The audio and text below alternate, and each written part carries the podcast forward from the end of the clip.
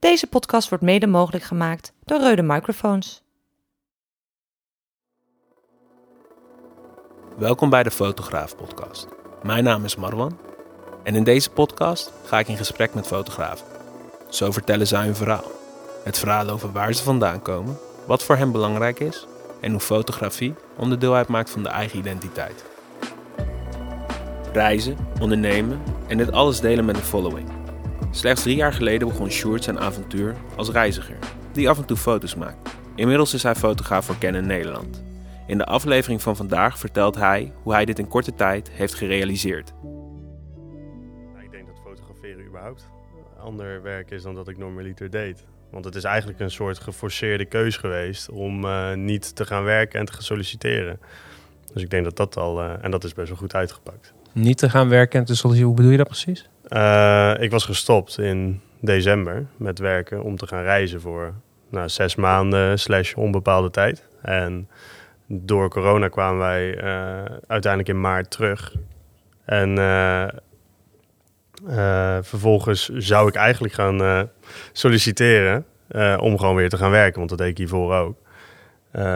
Maar goed, de markt stond er niet geweldig bij als het gaat om, om vacatures. En toen heb ik besloten om meer tijd te gaan steken in het opzetten van mijn bedrijfje en, en, mijn merk te laten groeien.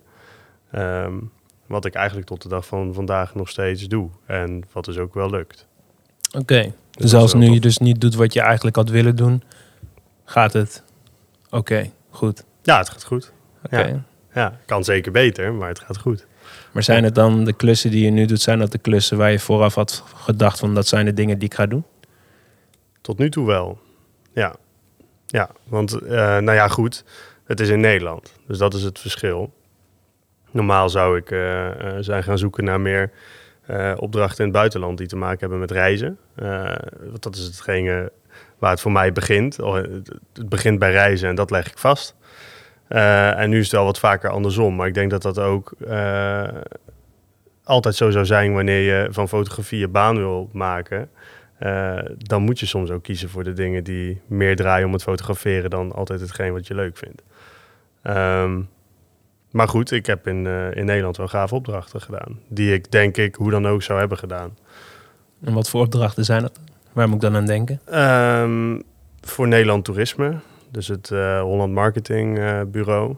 Die uh, wilde bepaalde plekken in Nederland gaan promoten. En die hadden mij daarvoor gevraagd. En wat houdt dat in? Dat je twee, drie dagen bijvoorbeeld een provincie bezoekt. En nou, een gaaf programma doet met, ja, met die organisatie om ja, foto's te maken van, van plekken die men waarschijnlijk nog niet kent. Want wat is hun doel? toerisme wat te spreiden en andere plekken wat aantrekkelijker te maken dan, dan dat ze nu zijn.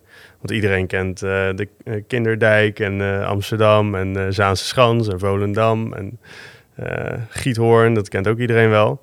Maar de bossen in Drenthe of bepaalde plekken rondom Venlo in Limburg, of de Biesbos. Dat zijn toch nog plekken die voor de Nederlanders misschien nog wel bekend zijn, maar voor buitenlanders zeker niet. Um, dus ja, daar hebben ze mij uh, voor ingezet, samen met iemand anders, om, uh, om dat te fotograferen en te promoten. Zijn er dan ook nog de plekken, kom jij nu ook plekken tegen die je niet kende dan? Dat je denkt, hé, hey, dit is helemaal niet dat het hier ook in Nederland was. Ja, omdat ik eerst helemaal niet bezig was met wat heb je allemaal in Nederland. Dus de plekken die ik hiervoor benoemde, die, die kende ik wel en dat ben ik ook wel geweest. Maar de plekken waarmee ze nu aankwamen, dat, ja, uh, ik kende ze wel. ik kom namelijk uit de buurt van Breda, nou dan ken je echt de Biesbos wel. maar de manier waarop we het nu hebben bezocht en hoe je het vastlegt, ja, dat is toch wel anders dan, dan dat ik nou, het eerst al kende. Ik denk sowieso dat wanneer je door een camera kijkt, je een plek sowieso anders bekijkt dan uh, wanneer je er in je vrije tijd een keer heen gaat. En hoe bedoel je dat dan precies? Wat, wat is er dan anders? Ah, misschien doe je meer moeite om het op een mooiere manier te zien. Dus uh, uh, voorbeeldje Biesbos, sta je vroeg op en zorg je dat je met zonsondergang op de juiste plek staat, zodat je het water met de bossen eromheen op de mooiste manier ziet. En je zorgt voor wat activiteiten, zoals kajakken bijvoorbeeld, om eh, nou om het op die manier wat leuker te maken dan dat je het misschien normaal gesproken zou doen. Puur omdat, je, eh, omdat er van je verwacht wordt dat je met foto's thuis komt die die plek aantrekkelijk maken. Dus dan ga je het voor jezelf ook aantrekkelijker maken dan dat je misschien normaal gesproken zou doen. En is het dan zo, want je zegt net van normaal gesproken was ik niet zozeer met de plek in Nederland bezig, want je ging voornamelijk naar het buitenland. Ja. Ehm, is het dan wel zo, nou ja, de reden dat je niet kan reizen is natuurlijk COVID, maar is het dan ook zo dat je, doordat je juist nu meer beperkt wordt in de keuzes die je kunt maken en juist het dichter bij huis moet zoeken, verrast het dan ook nog wel eens wat Nederland te bieden heeft? Als reisfotograaf. Want natuurlijk, grootse bergen, et cetera, dat heb je hier misschien niet, maar... Ehm, ja, eh, het verrast me wel. Eh, ik heb echt wel foto's, nou ja, niet per se met wat ik zie, maar wel met wat ik vastleg. Dus ik heb best foto's gemaakt waarvan ik dacht, oké, eh, normaal gesproken zou ik hiervoor naar Duitsland zijn gereden. En dat kan dus in Nederland ook. Wist ik van tevoren niet of dat er niet was. Eh, ik denk dat ik het wel wist, maar ik vond het gewoon minder interessant om in Nederland op pad te gaan. Eh, ik weet niet, het, het, lijkt altijd mooier eh, ergens anders. En niet bij, bij je thuis om de hoek, zeg maar. Tenminste, dat is een beetje mijn instelling geweest altijd. Dus ik denk dat het mooi is dat, nou ja, dankzij COVID je geforceerd wordt om toch eens wat dichter bij huis te kijken. En nou ja, bepaalde plekken te ontdekken. Ja. En tijdens het ontdekken van nou ja, die stukjes Nederland, heb je dan ook nog plekjes ontde- ontdekt waarvan je denkt, nou, de luisteraar misschien een keertje de moeite waard? Nou ja, ontdekt is misschien wel echt een groot woord, want ze zijn eigenlijk super bekend, zeker onder fotografen. Eh, maar ik vond bijvoorbeeld het Speelde Bos wel heel gaaf. Of eh, eh, de postbank, wanneer alles mee zit qua weersomstandigheden, is toch ook, wel, toch ook wel gaaf om te zien. Ehm, ik was in Drenthe, eh, in een eh, mooi natuurgebied. Ik weet even niet de naam, maar ik weet wel eh, dat ik daar in een hutje van Cabiner sliep. Dat is wel echt een aanrader. Dat is echt middle, middle of nowhere. huisje, zelfvoorzienend, hout hakken, vuurtje stoken voor warm water voor de douche. Dus eventjes off the grid, back to the basic. En dat had ook ergens in het midden van Duitsland kunnen zijn, in een bos. En het is eigenlijk gewoon om de hoek. Dus dat, dat vond ik wel een hele vette plek. Ehm, maar ik denk dat, dat ik vooral heb ont, nou ja, ontdekt, heb ervaren dat het in Nederland vaker draait om een goede weerman zijn en ergens op het juiste moment met de juiste omstandigheden zijn, dan dat het per se om de plek draait.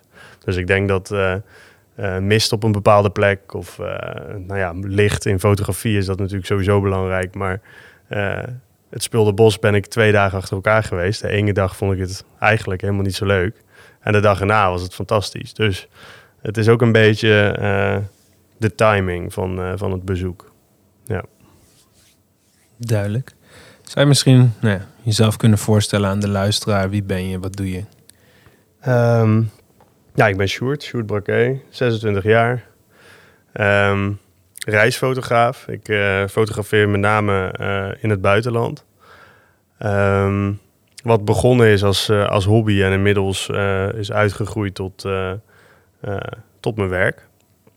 Ehm, ik woon in Utrecht, in een appartementje samen met mijn vriendin. Daar ben ik al een hele tijd mee samen.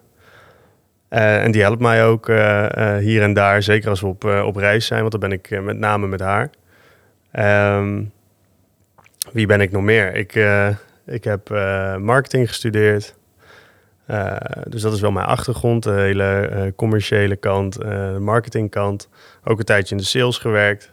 Het zijn allemaal dingen die, die nu ook wel zeer van pas blijken te komen in, in mijn hele weg naar ja, voor mezelf beginnen en fotograferen. Is dat wel iets wat je jezelf ook op de lange termijn ziet blijven doen? Ik weet het niet. Ik, ik ben niet zo van de lange termijn. Ik, doe eigenlijk, ik doe eigenlijk maar wat. Eh, lekker go with the flow. En eh, vooralsnog eh, vind ik het heel leuk en lukt het en dan gaat het goed. En dat zelfs in de huidige tijd. Dus als reisfotograaf een COVID-pandemie overleven is volgens mij niet het allermakkelijkste wat er is. Ehm, maar tot nu toe gaat het goed. En ik denk dat het wat dat betreft nou ja, alleen nog maar beter kan gaan. Eh, maar ik weet niet of het iets is wat ik, eh, wat ik per se over tien jaar nog steeds wil doen. Dus eh, mijn achtergrond in de commerciële wereld en in de marketing en het werken aan een merk. Dat eh, is breder dan, dan alleen mijn eigen merk. Maar voor nu doe je dus voornamelijk fotografie. Maar je zegt net ook, je vriendin die gaat ook mee op reis en ze helpt jou. Ja. Maar net gaf je ook aan dat je ehm, eigenlijk van plan was om nu voor langere periode, nou ja, in ieder geval, je was eind vorig jaar, december, gestopt met je baan. Ja. traineeship. Wat was het? Traineeship. Traineeship. En toen dacht je, ik ga gewoon voor fotografie. Ehm, en zij zou dan ook met jou meegaan. Ja, hoe het, hoe het ging is, ik, ik deed een traineeship en eh, nou, die was klaar. En dat was eind vorig jaar. Eh, dus ik moest gaan, eh, ja, gaan solliciteren. Ik moest een, een baan gaan vinden. Ehm, en mijn vriendin die, die is psycholoog in het ziekenhuis. En die, eh, die werkte eh, in eh, Tilburg vanuit Utrecht. Dus best een eindje reizen elke dag. Ehm, en die zag dat eigenlijk ook niet meer zitten. Dus we zaten eigenlijk in dezelfde periode met het idee van... oké, ik moet solliciteren. Zij wilde daar stoppen en ging ook solliciteren dichter bij huis. Ehm, maar wij dachten te, eigenlijk allebei van... joh, laten we eerst nog eens de stap zetten om te reizen. Dat hadden we al een keer gedaan in 2017. En dat vonden we eigenlijk het, eh, het leukste wat er is. Dus eh, eh, laten we dat nog een keer gaan doen. En de landen die op ons lijstje staan, gewoon bezoeken. En dat was dan Zuid-Amerika. Ehm, en wat was de vraag? Z- zij zou ook gewoon meegaan voor die hele periode. Ja. Ja, ja, ja, wat ik zeg, zij, zij zou sowieso een andere baan gaan zoeken. En eigenlijk was het idee van laten we dit samen weer gaan doen. En was dat voor fotografie? Nee, want eigenlijk was dat dus nog niet mijn werk. Ehm, ik vond het leuk om te doen en ik, ik deed het hobbymatig zeker al eh, een hoop. En ik had ook mijn, eh, eh, mijn account op Instagram al, wat, nou, wat al een behoorlijke eh, volgersgroep had. Maar het was nog niet mijn werk. Dus het was puur voor onszelf, hadden ervoor gewerkt. en we gingen gewoon zes maanden ons spaargeld opmaken. Maar je, zei, je zegt net reizen, dat is het leukste wat je vindt om te doen. In Mhm. ieder geval een van de leukere dingen. Wat is het dan precies in reizen wat je zo aanspreekt? Ehm, nou, het ontdekken. Dus gewoon eh, eh, het zien van, van andere culturen, het zien van andere soort landschappen. Eh, ik denk dat het ook niet alleen gaat om de bestemming, maar ook de, het reizen zelf. Dus de vrijheid, het niet vastzitten aan een patroon. Dus dat patroon in Nederland, überhaupt, je hebt een weekend en je hebt een door de weeks. Eh, je hebt je 9 tot 5, niet iedereen, maar die, veel mensen wel. En eh, ja, al je vastigheden. En op reis leef je echt van dag tot dag. En natuurlijk moet je wel eens plannen. Maar eigenlijk is het nou ja, zoveel vrijheid als dat ik in 2017 op reis heb gehad. En ook de afgelopen nou, begin dit jaar. Dat, dat, dat vind ik nergens anders. En ik vind dat het gave aan eh, eh, het reizen in vergelijking tot op vakantie gaan bijvoorbeeld. Dus het draait echt puur om de vrijheid. Het gevoel wat je zelf ervaart. Ja, En ja wat- mede met dan uiteindelijk natuurlijk de bestemming die erbij hoort. En hetgeen wat je allemaal ziet. En wat, wat is dan precies de link met fotografie? Want je zegt eigenlijk draait het voornamelijk om het reizen en het ontdekken van nieuwe locaties. Wanneer was voor jou een moment dat je dacht van oké, nu kan die camera ook een steeds grotere rol gaan spelen in mijn leven? Eh, Is dat eigenlijk een bewuste keuze geweest? Nee, Fotograferen? Nee, absoluut niet. Het is een. eh, eh, ja, in 2017 begon dat dus. Want als je vraagt om het moment, eh, dat was toen. Eh, mijn vriendin die had een eh, camera mee. Zoals ik denk heel veel mensen op vakantie een camera mee hebben. En nou, tijdens het reizen heb je behoorlijk wat tijd tussendoor in hostels of hotels, whatever, waar je slaapt. En ik ben niet zo'n boekenlezer, dus ik ging vooral YouTube op hoe maak je goede foto's of hoe kun je foto's editen of hoe ehm, werkt eh, het goede van een Instagram-account wanneer jij eh, je foto's deelt op, eh, op Instagram. Want je kan wel iets online gooien, maar je vindt het toch wel leuk als je een keer 20 likes krijgt in plaats van 10, ik noem maar wat. Ehm, dus ik, ik hield me vooral met dat soort dingen bezig. Dat was gewoon hetgeen wat ik leuk vond. En het, het had totaal geen doel. Maar het was meer, ik ben zes maanden weg. Ik lees geen boek. Dus dan, dan leer ik dit maar of lees ik dit maar. Het was natuurlijk mijn achtergrond om eh, eh, bezig te zijn met, eh, met social media of online marketing. Dus ik vond het altijd interessant om, om daarmee bezig te blijven. En ik zag dat wel als een leuke combi. Van oké, ik leer te fotograferen, ik deel het op Instagram. En hoe zorg ik ervoor dat het nou iets meer gezien wordt dan alleen mijn ouders, mijn buurman en mijn broertje, mijn eh, eh, broer. Dus nou, dat is eigenlijk waar het begon. En daarvoor had je nog niet eerder gefotografeerd? Dat is echt het moment, want je hoort ook heel vaak dat mensen dan altijd wel in hun jeugd ook al bezig zijn met fotografie. Of was het echt bij jou dus midden twintig dat je echt dacht van... Nou, ik, ik, mag dat geen naam noemen of een naam geven. Ik had wel een, bijvoorbeeld een, uh, een GoPro. Dus ik uh, filmde als ik een keer ging snorkelen of... Uh, nou, ik filmde eigenlijk alles ermee. Achteraf denk ik echt, wat, waar was ik mee bezig? Um, en ik heb wel altijd een digitaal cameraatje gehad toen ik heel jong was. Dus als ik met mijn ouders op vakantie ging... Die gaven mij een, een cameraatje om foto's te maken. Maar ja, dat is is dat ik ben niet bewust bezig geweest met fotografie. Dat was dan twee weken in het jaar. Uh, dat je op vakantie was en foto's ging maken. Want je wilde je vakantieboek. Dat is eigenlijk letterlijk het doel geweest altijd. Van nou, een mooi vakantieboek. Ehm, en that's it. En hetzelfde geldt eigenlijk voor mijn vriendin. Die, ja, je koopt, niet, je koopt niet een spiegelreflexcamera als je het niks aanvindt. Dus ik denk dat je er uh, toch enige affiniteit mee hebt. Of in ieder geval het, leuk genoeg vindt om daar het geld aan uit te geven. Ehm, maar die deed ook in die zin hobbymatig, puur voor uh, een fotoboek naar de rand, voor de herinnering. Maar je zegt dat je toen je jong was, had je dus al wel een digitale camera en die nam je mee op reis. Ging je toen je zo jong was dan nou eigenlijk gewoon met de gezelf... Was je je toen ook al bewust van, van ik ga nu op reis en ik kan echt nieuwe dingen ontdekken? Of is dat juist wat later gekomen? Want je gaf net aan dat dat wel iets is wat je nu heel fijn vindt. Het ontdekken, de vrijheid, nieuwe culturen ontmoeten was dat, die bewust, dat bewustzijn, was dat er ook al toen je zo jong was? Want hoe jong was je dan? Waar moet ik dan aan denken? Uh, met die camera's. Ja. Um, of reizen in het algemeen. Maar ik kan me ook heugen dat je uit een vrij reizenlustige gezin komt. Ja, ja.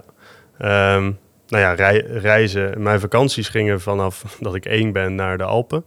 Uh, dus daar was het altijd uh, gewoon hiken in de bergen. En daar kregen wij op het begin het wegwerpcameraatjes. Dus dan had je één, één rolletje om nou ja, vol te schieten in twee weken tijd. Um, dus daar, daar begon eigenlijk wel het fotograferen. Maar dat was puur omdat mijn ouders ook een camera hadden. En nou ja, dat triggert dan wel. Dan wil je zelf ook wat, wat foto's maken. En ik zou niet weten hoe oud ik was um, toen ik voor het eerst een digitaal cameraatje kreeg. Um, nee, geen idee. Maar dat zou acht, negen, zoiets denk ik.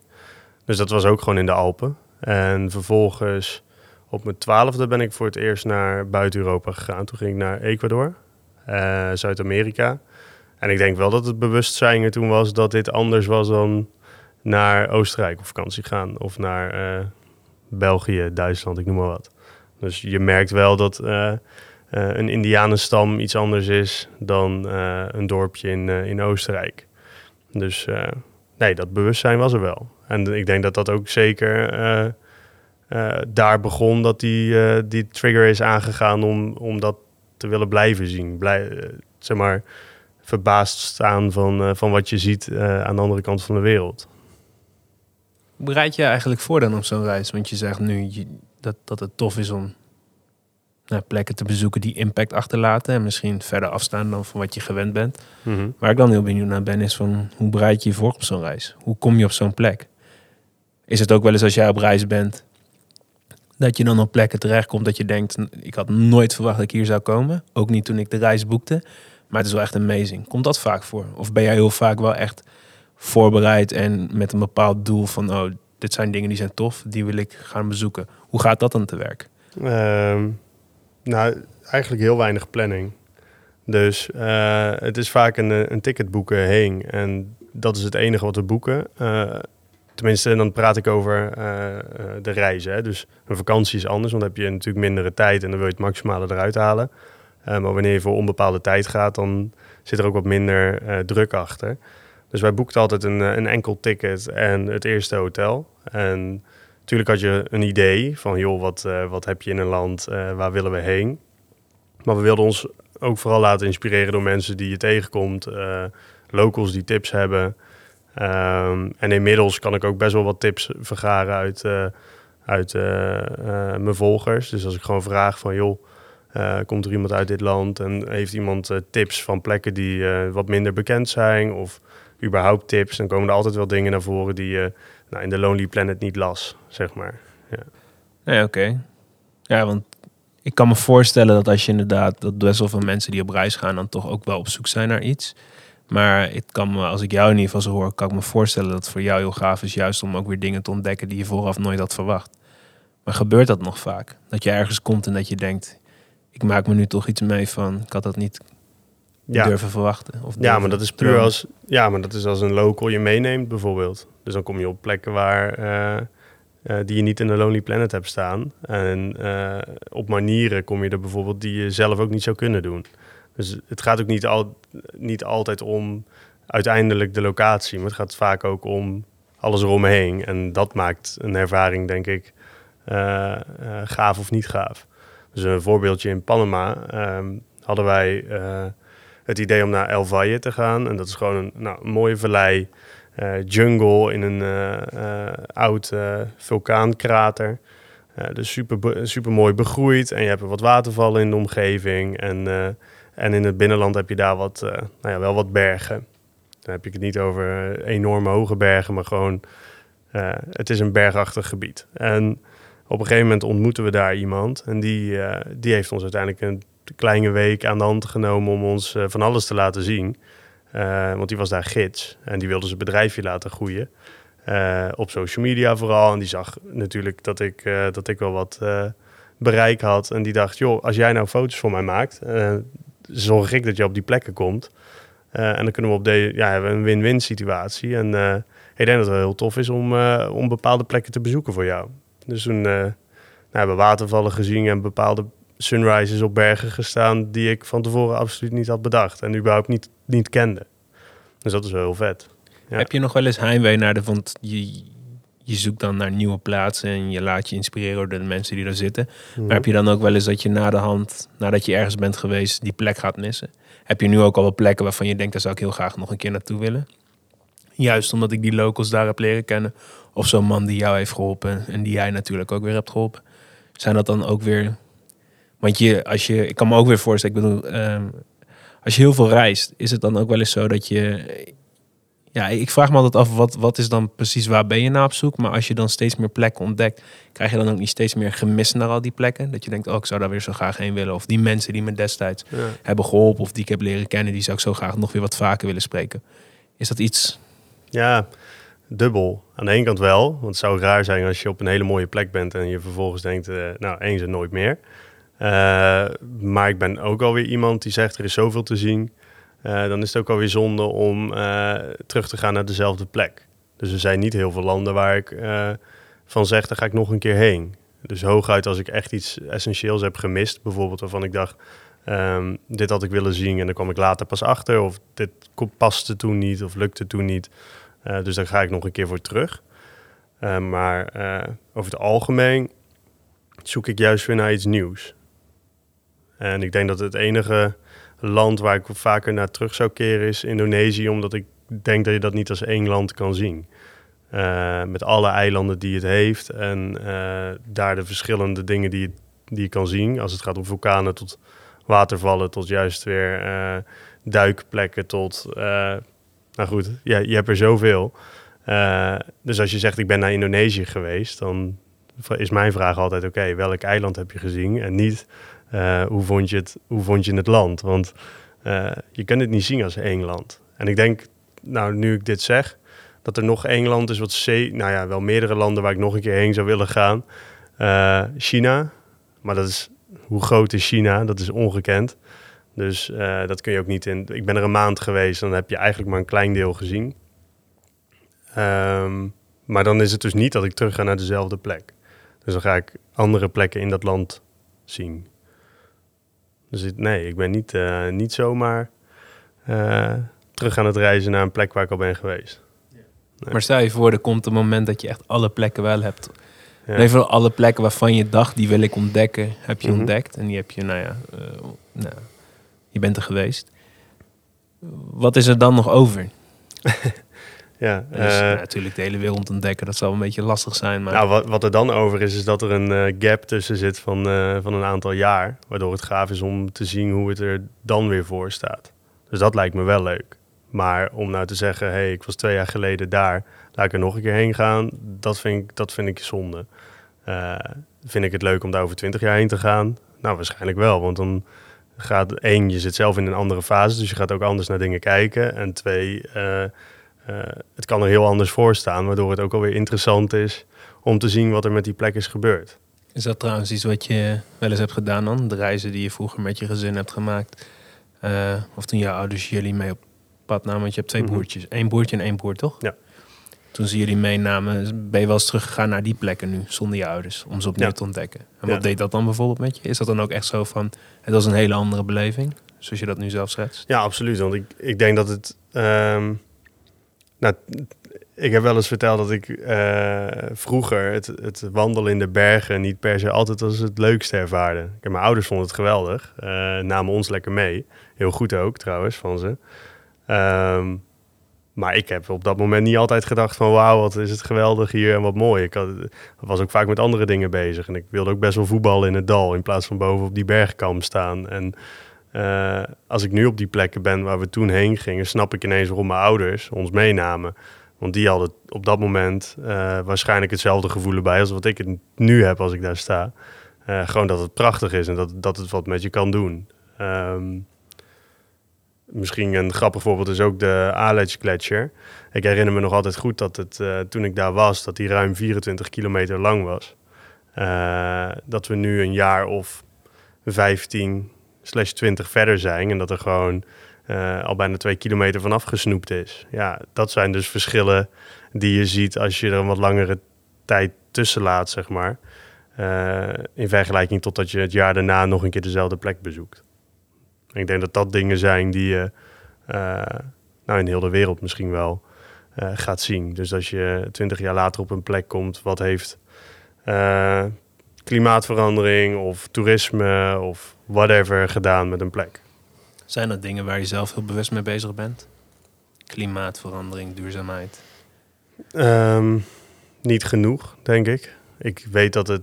Ik denk dat het ook iets heel dubbels is als, eh, als wanneer je veel reist. Eh, iedereen weet dat eh, vliegen niet het beste is voor het, voor het milieu. Maar het is ook iets wat je bijna onvoorkomelijk is als je meer wil zien dan alleen Europa, wat je wel met een trein kan doen, bijvoorbeeld.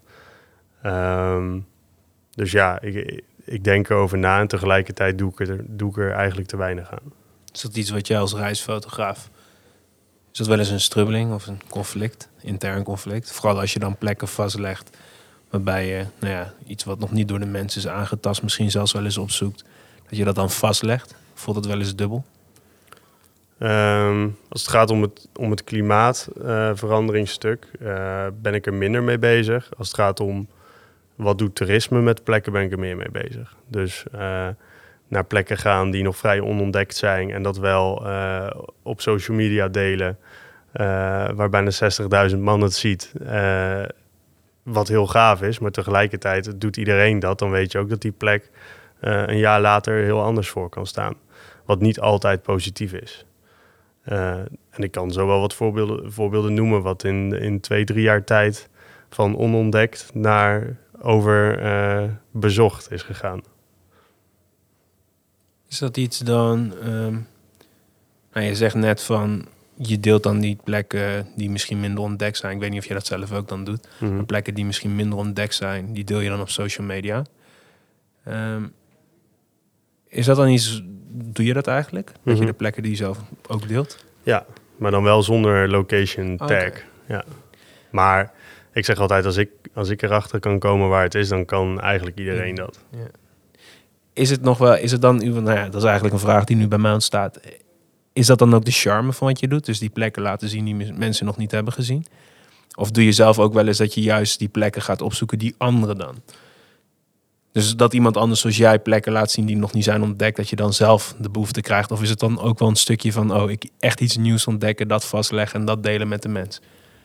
Nou ja, ik denk dat je een belangrijke mist en dat is eh, die plek zien. Dat, is, dat vind ik het tofst. Kijk, ik word niet warm van eh, de Eiffeltoren zien. Eh, ik word warm van een plek die wat minder gezien is, waarvan men, natuurlijk als je het uiteindelijk laat zien aan vrienden of familie, dat ze zeggen, jezus, waar is dit dan? Wat is dat voor iets gaafs? Kijk, dat vind ik, dat, dat vind ik zelf ook gaaf. Da- Daardoor vind ik het misschien nog, nog wel cooler om die plekken te bezoeken. Puur omdat je anderen ermee eh, doet verbazen dat dat, dat, dat, er, dat dat er is. En dat men het nog niet kent. Eh, ja, gevolg is dat ik het dus ook vastleg. En wat ik vastleg inmiddels ook deel. Want dat is wat ik nu eh, de laatste twee, drie jaar doe. Maar dat is wel soms een struggle. Dus dat je inderdaad denkt, is het handig om die plekken vrij te geven... met als gevolg dat vervolgens iedereen diezelfde foto wil gaan maken. Je had het net trouwens ook over cultuur. En culturen, dat dat iets is wat je heel erg aanspreekt. Ehm, is dat iets wat je denkt je later ook meer in je fotografie wil integreren? Ehm, het lijkt me wel leuk om eh, het iets meer body te geven. Dus behalve eh, wat, je nu, wat ik nu vaak deel, is landschappen, eh, natuur. Eh, maar ik denk dat het ook een gevaar wordt dat ik daar te veel op focus. En dat ik echt een meer een landschaps- of natuurfotograaf word dan dat het reisfotograaf is. Want ik denk dat 50% van reizen is uiteindelijk ook gewoon eh, de cultuur in een land. En de, ja, de mensen die er wonen, die maken vaak een plek en kunnen het ook kraken. Ehm, dus ik denk dat ik... Nou, eigenlijk wilde ik daar dit jaar, met, met de reis die we waren begonnen... wilde ik daar al meer op gaan focussen. Om eh, meer het verhaal te vertellen dan alleen de plek te laten zien waar je uiteindelijk heen wilde gaan. Dus het ging me niet alleen maar om eh, het topje van de berg, maar ook om eh, het koffiehuisje wat beneden aan de berg staat en wie werkt daar. En snap je het hele, hele verhaal. Maar ik doe het nog niet genoeg. Dus het is wel iets wat ik, nou, wat ik meer wil gaan doen. Is dat ook iets wat jou, naast dat je het dan voor fotografie doeleinden doet, want je zegt net dat reizen, het zien van zo'n plek vind ik amazing. Is het dan ook dat je daar meer bewustwording bij krijgt van oh, dat ontmoeten van die nieuwe mensen en die culturen? Is dat dan iets wat je ook van jezelf uit heel graag wil? Het nog beter leren kennen van de nieuwe cultuur en het ontdekken van hoe mensen zijn aan de andere kant van de wereld. Wat zijn de verschillen? Wat zijn de overeenkomsten? Zijn dat dan ook dingen waar je gedurende je nu langere, nou ja, vaker hebt gereisd en dus Mhm. ook in 2017 een langere periode weg bent geweest? Zijn dat de dingen die waar je bewustwording bij krijgt? Ik, ik denk dat het er al was. En ik denk dat dat eh, de reden is dat ik het ook een beetje jammer vind dat ik daar niet op focuste als het ging om fotografie. Dus eh, eh, ik denk dat het gewoon begon. een camera pakte je vaak op het moment dat je op een plek aankwam wat het hoogtepunt is. Dat is zeg maar eventjes vijf jaar terug. Eh, stel je had dan een camera mee op vakantie. Eh, dan legde hij waarschijnlijk niet een foto eh, of maakte hij geen foto van het straatje om de hoek bij de Eiffeltoren, maar alleen van de Eiffeltoren. Het is niet dat je niet door dat straatje liep en dat je dat niet ervaarde en dat je daar niet een bepaald gevoel bij had en dat je niet dacht, hé, hey, wat een leuk winkeltje daar en wie werkt daar. En daar was ik al wel mee bezig. Ik heb best wel veel gereisd voor de lange reis samen met Sanne, ook met mijn ouders. Dus we zijn naar Vietnam geweest, we zijn naar Borneo geweest, Eh, we hebben een Zuidelijk Afrika trip gedaan. Ik ben in Oeganda geweest en die reizen, dat waren georganiseerde trips. Ehm, en in die trips lag er ook altijd heel veel focus op cultuur. En dan kreeg je de informatie erbij en je ging met die mensen eh, eh, samen dingen doen. Dus ik denk dat het. ehm, het zat al wel in mijn hoofd. Ik was daar echt al wel mee bezig met die cultuur. En met eh, wat zijn de verschillen. En ik legde het alleen niet vast. Maar dat is puur omdat ik. Ik was nog niet met fotografie bezig. En ik ben nog steeds pas heel kort met fotografie bezig. Ehm, waardoor ik zeker in die eerste reis daar bijna niks mee deed. Ehm, na die reis en ik dus wat meer ging fotograferen. Ik probeerde eh, de foto's die ik al maakte beter te maken. Dus dat zijn weer die hoogtepunten. En dat ik nu pas op het moment sta dat ik denk... oké, misschien moet ik meer gaan kijken naar het verhaal... behalve alleen maar de mooie foto. En ik denk misschien dat ik over vijf of tien jaar... eh, daar weer veel beter in ben. Dus het is meer een proces überhaupt van niet fotograaf zijn... eh, naar fotograaf zijn en het hele verhaal willen vastleggen.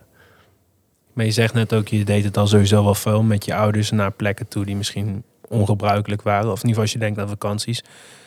Is dat ook iets altijd wat zij jullie bewust hebben meegegeven? Dus hun drie zoons. Ja. Van het ontdekken van nieuwe plekken.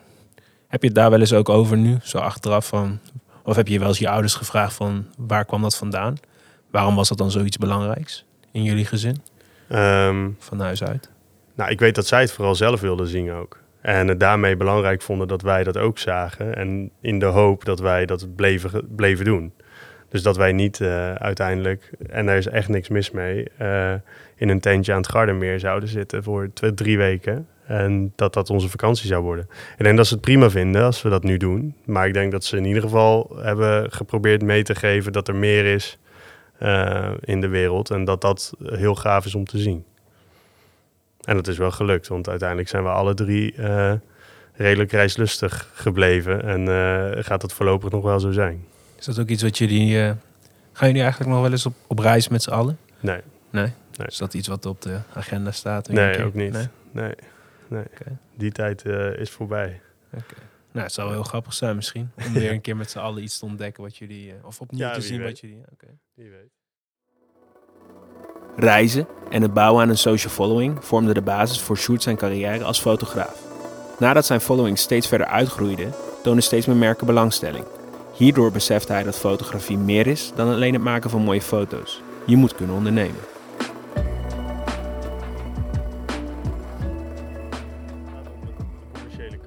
eh, als, je als je plat slaat wat ik doe, eh, denk ik dat het grotendeels te maken heeft met het feit dat ik redelijk commercieel ben. Ehm, het gaat niet altijd om wie de beste fotograaf is. Het gaat erom dat je je opdrachten binnensleept. En hoe krijg je die opdrachten? Eh, en ik denk dat Instagram is bij mij daar een heel groot onderdeel. Eh, is Instagram het allerleukste eh, wat er is? Nee. Is het heel belangrijk? Ik denk van wel. Ik, het feit dat ik eh, bijna 60.000 volgers heb, opent deuren die andere mensen niet zomaar krijgen geopend. En hoef je dus niet de beste fotograaf te zijn. En een voor, voorbeeldje van waar ben je mee bezig? Ehm, ik heb naast dat ik eh, voor Holland Marketing eh, redelijk reisgerelateerde opdrachten doe, eh, doe ik ook dingen voor auto's. Vind ik leuk om te proberen. Ander soort fotografie te proberen. Daar leer je denk ik heel veel van. En dat neem je weer mee in gewoon je kennis over hoe schiet ik een mooi plaatje.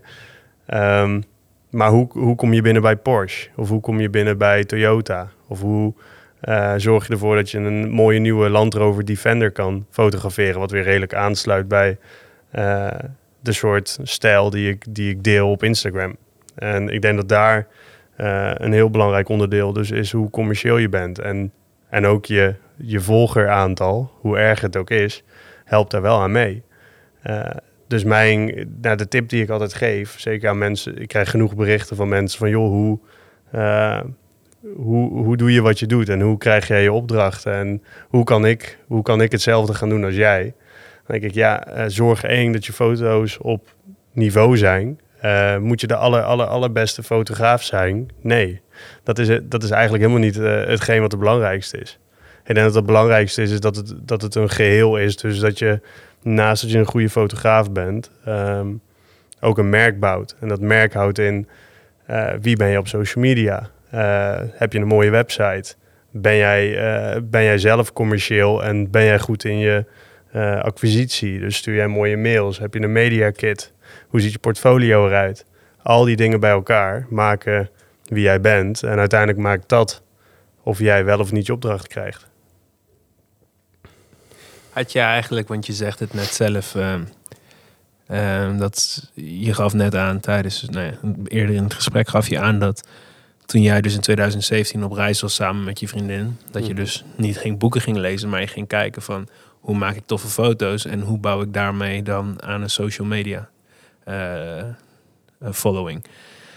Ehm, had je toen eigenlijk al in gedachten van, hey, dit is iets wat had je, was, je, was dat toen al iets wat in je, nou ja, misschien ergens een soort van droom was of een verwachting of enigszins een road to van, hey, misschien kan ik daar op, op termijn wel echt gewoon echt wat mee doen. Want je zegt nu net ook dat dat, dat bereik, dat open deuren. Ja. Was dat, dat toen al iets waar je bewust mee bezig was? Ehm, niet zozeer. De reden dat ik het ging doen was omdat ik dacht dat het mijn baan ging worden bij een bedrijf. Dus eh, ik, ik had eh, een minor online marketing gedaan en ik was sowieso veel met online marketing bezig. Ik, mijn bijbaantjes waren ook altijd eh, binnen online marketing. En ik wist hoe belangrijk social media toen al was. En eh, dat het hele influencerstuk eh, door het dak ging. Of in ieder geval begon te gaan. En eh, voor mij was het puur een soort nou, noem het bijna een onderzoekje van hoe krijg je het voor elkaar om een account te groeien. En dan zag ik eventjes mijn account als merk. Dus ik ging er boven zweven en denken, oké, stel ik werkte voor Sjoerd hoe zou ik dan ervoor kunnen zorgen dat, dat het merk groeit op social media? Ehm, en eigenlijk, ja, dat is de reden geweest dat het begon. Het moment dat ik misschien besefte dat het leuk zou worden, was eigenlijk aan het einde van die reis. Dus dat was november 2017. Volgens mij had ik 4, 4000 volgers of zo. Uh, dus het, zijn veel mensen, maar het is natuurlijk in vergelijking tot nu uh, was dat helemaal niks. Uh, maar toen kreeg ik ineens een berichtje van dat ik een gratis horloge zou krijgen. En toen dacht ik, hè, een gratis horloge? Hoezo dan? 4000 volgers? Is dat nou, is dat al zo interessant dan? En aan het echt de laatste week van die reis in Nepal kreeg ik zelfs een berichtje van een, uh, een hotel, net buiten Kathmandu. Van hey, ik heb gezien dat jullie uh, hebben gehiked. Als je zou willen, mag je hier drie dagen komen chillen in ons hotel. Hebben we niet gedaan, maar dat berichtje deed mij wel realiseren van oké, wat is dit joh? 4000 volgers en ik krijg dit soort berichten. Uh, dit kan wel, dat is wel interessant. Dus toen ik eenmaal thuis was in december, uh, heb ik wel tegen mezelf gezegd van joh, laat ik dit nog eventjes doortrekken. En in ieder geval kijken wat ik, wat ik hieruit zou kunnen halen. Want ik heb nog genoeg foto's die ik absoluut niet geëdit heb. Um, en dan blijf ik gewoon lekker delen wat ik allemaal heb gezien. En ik zie wel waar het uitkomt. Dus altijd zonder plan. Geen, geen doelen. Uh, ik ging toen mijn traineeship doen, digital marketing. Dus ik zag het weer als een side project van oké, uh, ik leer weer van alles over influencer marketing, uh, social media, strate strategieën, noem het op. En ik gebruikte gewoon mijn account weer om dat, daar, nou ja, dat toe te gaan passen en te zorgen dat dat gewoon doorliep. En ja, nou zijn we hier. En wat was het moment dat je echt dacht van, nou ja, je zegt dat was tijdens die. Was het dan al iets wat langer in je hoofd omging? Voordat, je, voordat de train, traineeship was geëindigd en je eigenlijk ging solliciteren naar iets. Was het toen al na die reis in 2017 enige, nou ja, enige twijfel of ambitie van hé, hey, misschien moet ik hier toch echt wat mee gaan doen? Toen had ik absoluut nog niet door dat, en dat kon toen ook nog niet, dat dat uh, een vervanging zou gaan zijn voor mijn werk. Dus ik, uh, dat je een keer een gratis product kreeg dat, uh, dat was niet interessant genoeg om te zeggen: hey, weet je, ik laat het solliciteren, maar ik ga even fulltime dit doen. Dat, uh, nee, dat uh, was absoluut niet het geval. En ik deelde wel foto's, maar er waren voor mijn gevoel nog altijd vakantiefoto's. En ik, ik kon er niet eens op, ik schoot alles op automatisch. Ik kon, ik kon niet eens een manual instellingen fotograferen. Ik had geen idee. Ik had één lens, een kit lens. En, oh nee, en we hadden nog een lens, een 50 mm. en eigenlijk hadden we niet eens het idee wat dat nou precies deed. Dus het was, we waren echt een stel noobs op fotografiegebied. Maar ik denk dat mijn marketing uh, genoeg uh, compenseerde. Uh, en mijn kennis over social media op dat moment om te zorgen dat het nou ja, toch werkte. En dat ik de juiste mensen bereikte. Is het iets, is social media in die zin dan iets maakbaars? Geloof jij dat iedereen die zijn tanden erin zet, zoals jij dat dan doet, mm -hmm en echt de, drive heeft om het te ontdekken van hoe werkt dat precies. Is het iets als je in ieder geval de juiste effort hebt en ook gewoon daar genoeg tijd en uren in steekt, iets wat mensen, de meeste mensen ook zouden kunnen doen? Want wat onderscheidt het dan? Ik denk, nou ja, er zijn twee dingen. Ik denk dat als je goed in marketing bent, kun je alles verkopen. Dus ik denk dat een simpele paperclip uh, kun je verkopen als die goud is en je bouwt er een, mark, of een merk omheen kun je er 5000 euro voor vragen. En er zijn altijd mensen die ervoor vallen.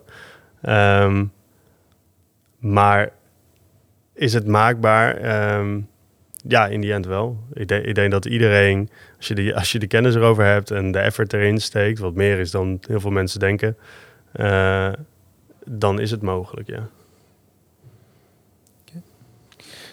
Oké, nou ja, je gaf net ook al aan dat je die, die nou ja, je begon, het was eigenlijk een moment van het einde van de traineeship, dat je de stap naar fotografie zou gaan maken. Dat is uiteindelijk een keuze geweest. Hoe reageerde je omgeving op die keuze? Dus je ouders, ja, je broer, je broertje. Ja, ik vind, ik vind hem lastig om hem zo in te steken, want eh, na mijn traineeship wist, of was het plan om te gaan reizen en daarna een vaste baan te gaan zoeken. Dus in die zin wist ik nog niet of fotografie het ging worden. Ehm, en sterker nog, tijdens mijn reis eh, begon ik dat steeds vaker te denken, want mijn account groeide voor geen meter. Het deed echt helemaal niks. Ik ging in eh, januari weg met, eh, ja, ik, weet het niet precies, maar volgens mij 30.000 volgers. En na drie maanden, of ja, 2,5 maand, nieuwe content. Eh, allemaal nieuwe plekken bezorgd, mega veel moeite erin gestoken, meer dan ooit. Eh, had ik misschien 2000 volgers erbij, of drie. Nou ja, en dat is op, op zo'n account grootte, is dat gewoon niet een, eh, een, eh, een goede groei. Ik was er niet tevreden over en ik dacht, ja oké, als het Instagram is misschien wel een beetje dood, of de markt is gewoon voorzien, verzadigd. Dit wordt hem niet meer. En toen kwam dus COVID, gingen we naar huis en was ik een soort van geforceerd om een baan te gaan zoeken in een markt die op dat moment niet optimaal was. En toen dacht ik, oké, ehm, een hele lastige situatie. We woonden eh, een, tijdje bij mijn ouders, want ons appartement was onderverhuurd.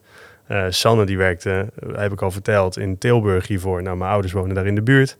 Dus die werkte, want het ziekenhuis, die werkte in het ziekenhuis, die had gevraagd of ze kon ondersteunen ehm, op de afdeling ps- psychologie daar. En rondom COVID-gevallen. Dus dat, eh, dat ze ging helpen met eh, eh, werknemers die daar eventueel trauma aan ervaarden. Ehm, dus die was aan het werk, maar ik niet. En ik, we zouden teruggaan naar Utrecht. En in Utrecht eh, z- ja, werk zoeken op dat moment, wel dat ik bij mijn ouders woonde, eh, vond ik dus een beetje onzinnig. Ik dacht, oké, wat ga ik nu doen? Weet je, ik ga gewoon naar mijn merk bouwen. En toen ben ik me gaan inschrijven bij KVK om te kijken van, joh, eh, misschien kan ik wel presets gaan verkopen. Dan verdien ik ook wat. Dat was echt letterlijk het idee.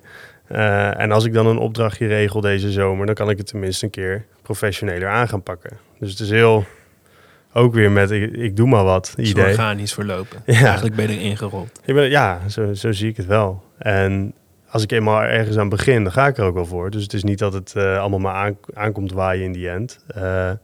Maar het is niet iets wat een duidelijk plan was. Dus eh, van nou, ik kom terug en ik ga nu volle bak voor fotografie. Nee, het was eigenlijk het idee om eh, eh, een vaste baan te zoeken en een hypotheek te scoren in Utrecht. Is dat iets waar je, nou ja, volgens mij zijn er best wel andere fotografen die dit dan zouden horen en denken, oh, dat is wel een heel bijzonder verhaal en ook heel gaaf. Is dat dan iets waar je bewust van bent? Want dan ben je er heel organisch ingerold en eigenlijk, hoe, hoe, hoe voelt dat dan? Dat je gewoon weet, want inmiddels ben je een Canon-ambassadeur Mhm. en dat is dan in vrij korte tijd gebeurd. Ja, dat, maar dat was ik al. Dus dat was ik het jaar ervoor al. Nee, maar ik bedoel, als je dan hebt van 2017 tot en met oh, nu, Ja, ja. drie jaar tijd. Er zijn Ja. fotografen die bouwen echt jarenlang aan iets om uiteindelijk dan een partnership aan te gaan met nou, toch een gerenommeerd merk. Canon bij deze, dat is toch een groot merk en Mhm. ademt vol- volgens mij in die zin ook wel echt fotografie. Hoe kijk je daar dan naar? Dat, dat lijkt me ook wel heel bijzonder. Dat je dan, ehm, eh, nou ja, dan is het toch iets wat op mag vallen. Dat je iets doet wat toch in de ogen springt. eh, van hé, hey, dit is bijzonder. En dat een merk als Canon dan denkt, daar moeten wij ook in investeren. ja. Wat is dat, wat is dat gevoel dan?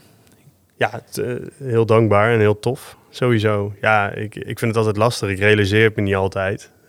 Omdat het dus allemaal zo organisch en eh, stapsgewijs gebeurt, eh, is het niet dat. Ja, ik, hoe, hoe leg ik dat uit? Ik. eh, Ja, ik bedoel, ik, wat ik meer bedoel is ook van... Nee, ik bedoel, eh, je, hebt, je hebt op school gezeten. Je hebt, wat heb je voor opleiding gedaan? Commerciële, commerciële economie, toch? Ja. Ehm, nou ja, dan krijg je dus heel veel les in marketing. In principe is het gewoon een opleiding marketing met iets meer dan alleen marketing, maar nadruk op marketing, toch? Ja. Ehm, ja, en sales. sales. Ja. Ehm, maar dan krijg je denk ik, eh, nou ja, dan, als je dan zo'n opleiding doet, dan droom je misschien al wel eens van, hey, eh, werken bij een groot merk en Mhm. meewerken aan campagnes. Ja. Heb je toen ooit gedroomd dat je zelf gewoon iemand zou zijn die dan ook echt een ambassadeur, want je bent een ambassadeur, dat, is, dat lijkt mij dan voor iemand die een achtergrond als jou heeft wel een bijzondere Ja. gewaarwording. Zo van, hé, hey, toch? Ja, nee, ik vind dat heel tof. En dat is ook altijd wel mijn, nou ja, mijn doel. Toen ik eh, op een gegeven moment merkte dat ik hier wat meer mee kon gaan doen, was het wel mijn doel om met merken te werken die ik heel tof vind. En eh, hoe vet is het als je dan inderdaad eh, getekend wordt bij een merk en dat zij in jou gaan investeren. Dat is heel vet. En ik kan me voorstellen dat heel veel mensen denken van, jemig, wat is dat in korte tijd? En ik denk dat ook wel eens van, oh, waarom ik? Eh, wat vet. En ja, eh, echt super gaaf. Maar het bevestigt voor mij ook dat het dus niet altijd gaat om eh, de opleiding als fotograaf zijnde of wie per se de allerbeste fotograaf is, maar dat het dus gaat om het totale plaatje. En dat ze in dit geval kozen voor het merk Sjoerd, wat online ook inmiddels nou ja, aanwezig is. Eh, en dat dat interessanter is dan, dan sommige fotografen die al twintig jaar lang aan de weg timmeren, maar toch minder kunnen betekenen voor het merk, voor Canon. Dus zeg maar, het is uiteindelijk een win-win situatie voor zo'n merk. En niet alleen voor mij fijn. Heb je trouwens dan... eh, zijn er wel eens mensen die afgunstig zijn of jaloersen? Of heb je, want je hebt een grote following en delen op Mhm. social betekent ook... Nou, je stelt jezelf nou ja, bloot aan een publiek. Mhm. Heb je ook wel eens mensen die er dan minder positief op reageren? Ehm, ja, zelden. Ja? En dat verbaast me best wel. Want ik had inderdaad verwacht hoe meer mensen eh, jou gaan volgen, hoe vaker je ook eens iets negatiefs te horen krijgt. Ehm, maar dat valt wel mee. En ik denk dat dat is omdat het toch ook al vooral gaat om de foto's. En eh, ik ben, het is niet dat ik, dat ik aan het vloggen ben en letterlijk heel mijn leven laat zien. Waar men eh, natuurlijk van alles over kan gaan vinden vervolgens.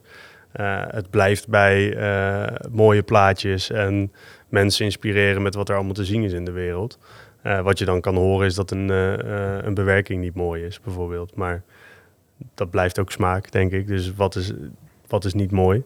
En ook dat hoor ik niet heel vaak trouwens. Verwacht, verwacht je dan straks, als je dan toch meer de focus gaat leggen op andere culturen en een stukje storytelling, verwacht je dan dat je, want dan ga je uiteindelijk ook, dan wordt het ook wel persoonlijker, want dan ga jij zelf ook de verhalen ertussen uitpikken, kan ik me voorstellen, die je zelf heel interessant vindt en misschien ook wat meer background erover gaat vertellen. Zijn dat dan dingen waar je nu bijvoorbeeld ook al bewust mee bezig bent? Van misschien op termijn, als ik dan toch, wat je net zegt, een vloggen, dat is heel persoonlijk. En wat jij doet draait nog heel erg om de foto. Als je dan straks toch wat meer eh, ja, persoonlijke invalshoek kiest. Zijn dat dan dingen waar je nu bijvoorbeeld ook al bewust mee bezig bent? Nee, eigenlijk niet. Nee. En eh, ik, ik test ook wel veel hoor. Dus als ik eh, bijvoorbeeld werk met een eh, automerk, wat natuurlijk best wel ver staat van dat je aan het reizen bent en reisfoto's deelt. ehm, dan kan het zijn dat mensen dat natuurlijk helemaal niet willen zien. Maar ik vraag altijd wel eh na de rand van, hey, nu deel ik een auto. En die probeer ik wel vaak te passen dan in de stijl van wat ik normaal gesproken deel. En dan vraag ik gewoon van, joh, zou je dit vaker willen zien of zou je het niet meer willen zien? En als het zo niet, eh, laat me dan even weten waarom.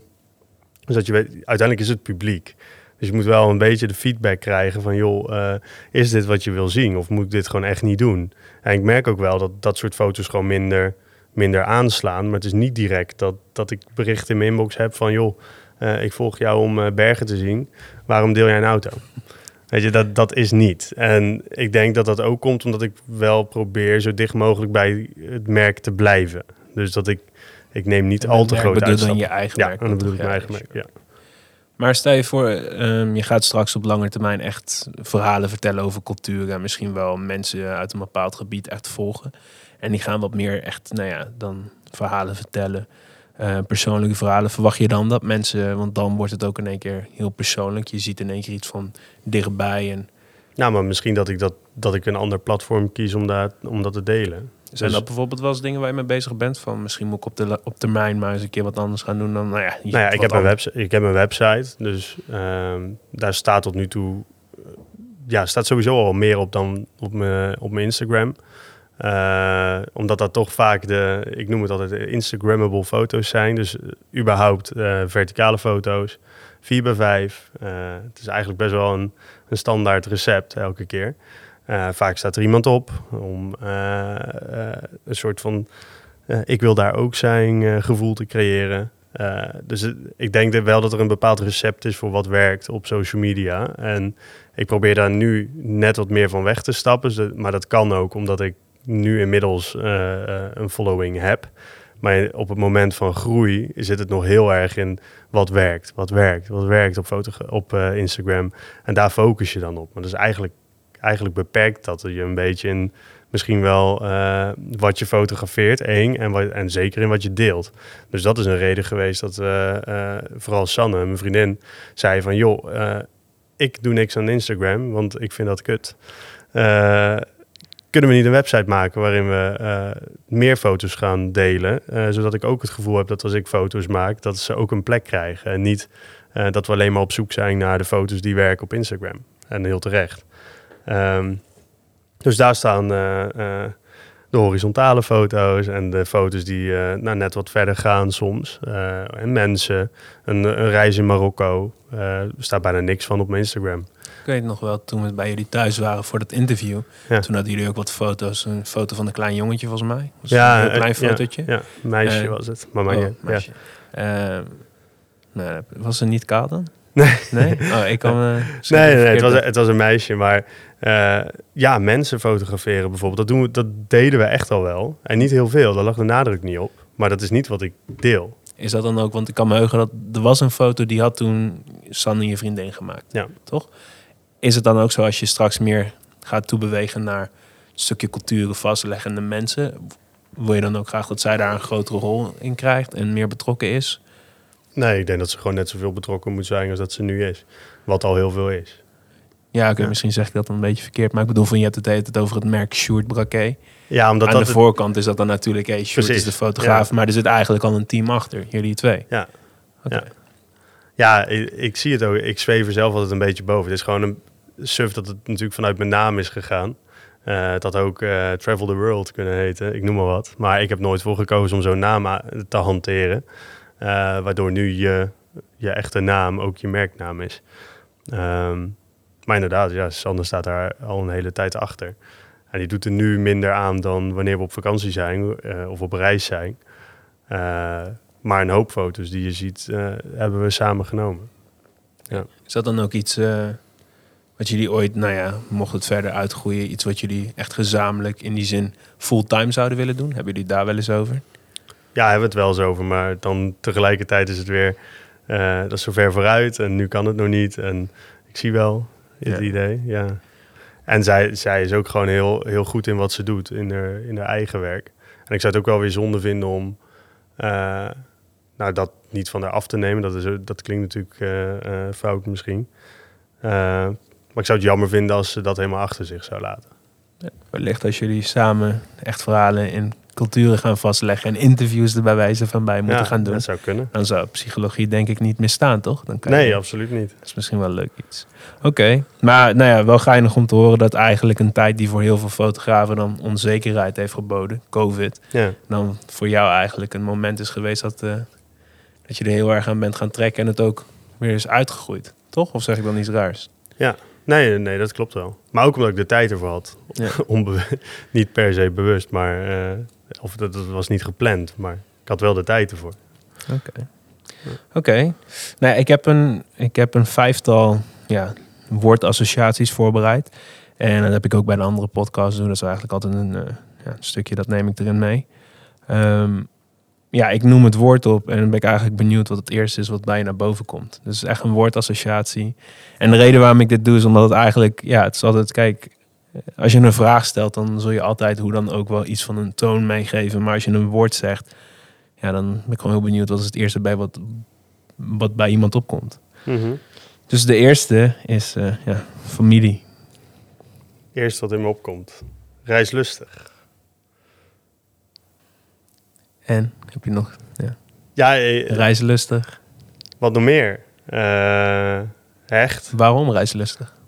Nou ja, omdat we altijd, al, altijd op reis zijn gegaan. Altijd eh, eh, de berg hebben opgezocht of eh, buiten Europa zijn gegaan. En ik denk dat daar wel mijn reislustigheid vandaan komt. En je zegt net ook hecht. Is er daar een verband tussen, denk je? Dat reislustige hecht. Nou ja, ik denk wel dat de vakanties die wij deden, dat was dus altijd het gezin. En dat was niet op de, op, ja, noem ik het weer als voorbeeld, maar niet op de camping waar je vervolgens twintig vriendjes hebt. Eh, maar we, we deden dat met z'n vijven. En alleen toen we buiten Europa re- eh, reisden, was het met een, eh, met een groep. Dus dat werd dan een samengestelde groep. Maar je gaat die avonturen wel met elkaar aan. Is dat dan ook zo? Nou ja, mooi dat je het woord avontuur gebruikt. Is het dan ook zo dat samen reizen mensen ook samenbrengt en hechter maakt? In jouw ervaring? Ehm, dat denk ik wel. Ja. Ik denk dat er daarom heel vaak vakantieliefdes ontstaan. Oké. Zo heb ik mijn vriendin ook ontmoet namelijk. Op reis wordt alles mooier. Nou, dat is al een hele lange vakantieliefde dan inmiddels. Inmiddels wel, ja. Ja. Oké, Heel lang avontuur. oké. Ja. Ehm, nou ja, de volgende is natuur. Aangezien dat ook, nou ja, natuur nou ja, speelt een grote rol in jouw fotografie volgens mij. Ja.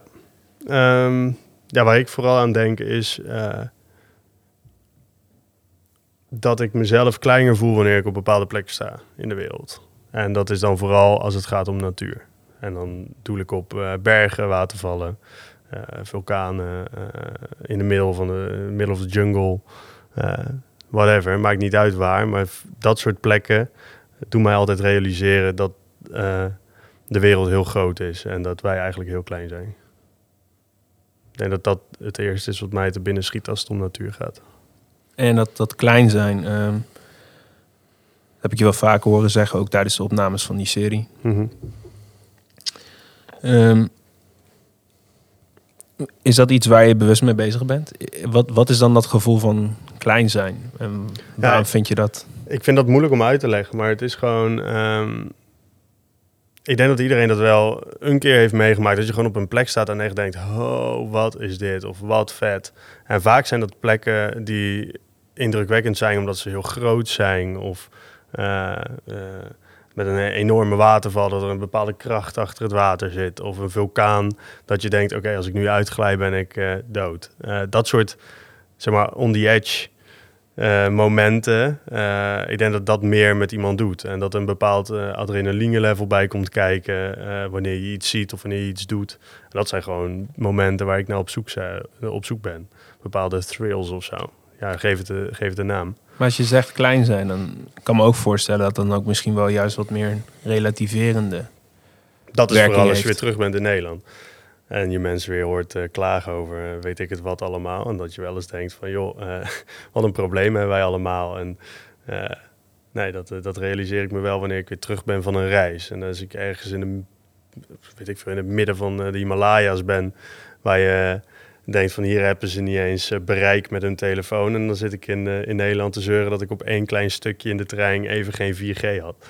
Ja, dat, dat soort dingen, dat, eh, dat Zijn- vind ik bizar. Het zijn natuurlijk ook twee dan hele verschillende werelden. Daar Is zullen ook. ze ook niet zozeer de drang hebben om even een post te plaatsen, aangezien het, het waarschijnlijk niet Nee, kennen. dat, dat klopt. Alleen ik denk dat je dat alleen maar, eh, alleen maar op die manier kan relativeren wanneer je het hebt gezien. En wanneer je op dat soort plekken bent geweest. En dat vind je niet in Antwerpen of in Parijs. Dat vind je wanneer je echt wat verder off the grid gaat. Zijn dat dan ook dingen die je bewust meeneemt in je eigen leven, waar je dan vaker bij stilstaat van hé, hey, ja, waar ben ik nou eigenlijk, waar maak ik me druk om of het leven? ik denk vaker onbewust. Dus ik denk dat het heel veel eh, met je doet en dat het je ook vormt. Alleen dat je dat niet altijd bewust doorhebt. Heb je dan, nou ja, andere vraag misschien, is het wel eens zo dat als je dan kijkt naar hoe die mensen daar leven, net geef je het voorbeeld van die Malaya's, heb je dan wel eens zoiets van dat leven wat zij hebben is eigenlijk helemaal niet zo gek? Als je dan ook weer hebt over die social, want social media associeer ik persoonlijk heel erg met toch wel een beetje de fear of missing out. Je Ja. bent continu bezig, je hebt een soort neurotische tik om continu op je mobiel te kijken. Wat je net ook zelf zegt, Mhm. van eh, heb ik wel die likes gescoord? Is dat dan, ondanks dat het voor jou heel positief heeft uitgepakt, heb je soms ook wel eens zoiets van, hé, hey, die mensen daar, ik zou dat ook wel eens willen, die rust. Want ik kan me voorstellen als je afhankelijk bent van social, Mhm. dat het dan ook iets is wat een enorme druk meebrengt. En altijd maar ermee bezig zijn. Ik denk dat het voor heel veel. Ik kan me voorstellen dat het voor heel veel onrust zorgt. Helemaal als je dan zelf ook nog op plekken komt waar het, het tegenovergestelde de realiteit is. Eh, en dan vraag jij, zou, denk je soms dat het op die of dat je eh, misschien wel liever op zo'n plek zou wonen waar dat allemaal niet geldt en waar. Ja, misschien zoiets. Ja. ehm, Zijn dat dingen waar je ik, ik roep, ik roep wel eens, eh, wat zou het toch makkelijk zijn als? Dus als je daar zou wonen en je eigenlijk onwetend was. En, Ja. eh, nee, dus, maar ik denk niet dat ik daar gelukkiger van zou worden, nee. Nee. En die, nou ja, dat, dat hoor ik ook steeds terugkomen. Net zeg ik dan. eh volgens mij is dat hele social gebeuren wel steeds meer iets wat ook een dis- maatschappelijke discussie wordt. Dat mensen, in ieder geval jeugd, er heel erg afhankelijk van wordt. Mhm. Ehm, maar ik hoor bij jou ook wel heel erg een soort, nou ja, een ondernemer die toch wel heel erg bezig is met van presteren. Als ik jou dan hoor van, nou, het schoot voor geen meter op in januari in uh, bepaalde tijd, maar 2000 extra volgers.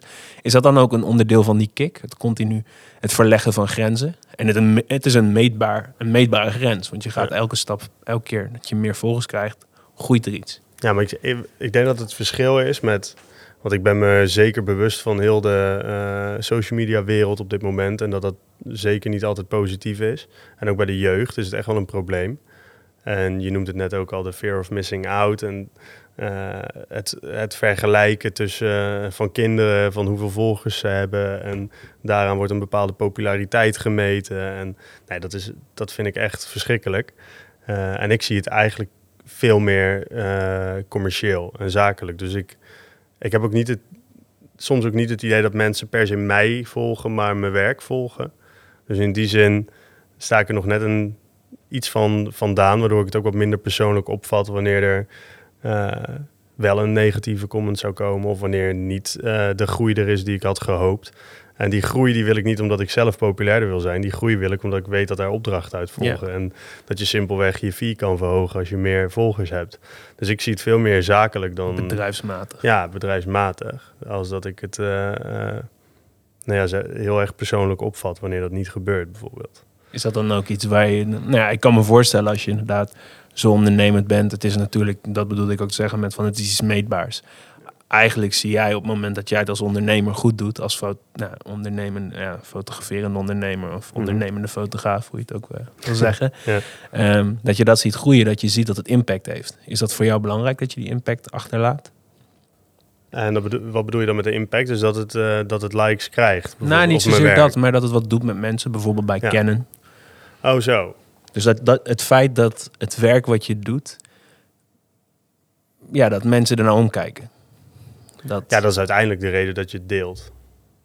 En uh, ik denk dat, je, dat het je ook drijft om daardoor net wat verder te gaan met je foto's. En wat, ja, je wil beter worden. En je, uh, kijk eerlijk, uh, het zijn nu 60.000 man. ik heb er geen idee bij. Voor mij is dat nog steeds iets heel onwerkelijks. En tastbaar is het zeker niet. maar als je erover nadenkt, is het een arena vol. Uh, die jij dus elke dag met één foto probeert te bedienen en toch weer eventjes blij probeert te maken met wat ze zien. Um, dan maak, je het wel heel dan maak ik het wel heel praktisch op deze manier. En zo denk ik er eigenlijk nooit over na. Maar als je plat slaat, is het wel het geval.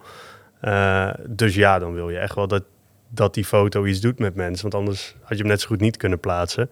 Legt dat een bepaalde druk op wat je vervolgens doet? Ja, uh, want je bent altijd op zoek naar die foto die dat gaat bewerkstelligen. Um, is dat dan iets... Ja, dan vind ik het woord serendipiteit. Het is eigenlijk dat je naar iets op zoek bent, maar onverwacht iets anders vindt, wat misschien wel veel waardevoller is. Is dat principe ook wel eens van toepassing bij jou dan? Dat je, ik kan me voorstellen als je heel erg op zoek bent naar dan die ene foto, wat jij zegt, die dan mhm. een bepaald publiek verzadigt of voorziet in hun behoeften.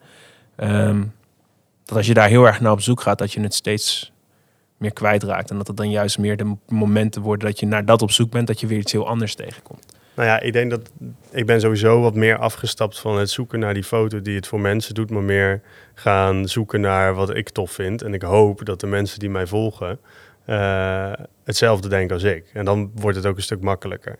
Dan is het gewoon een kwestie doen van of je fotograferen en doen wat je leuk vindt.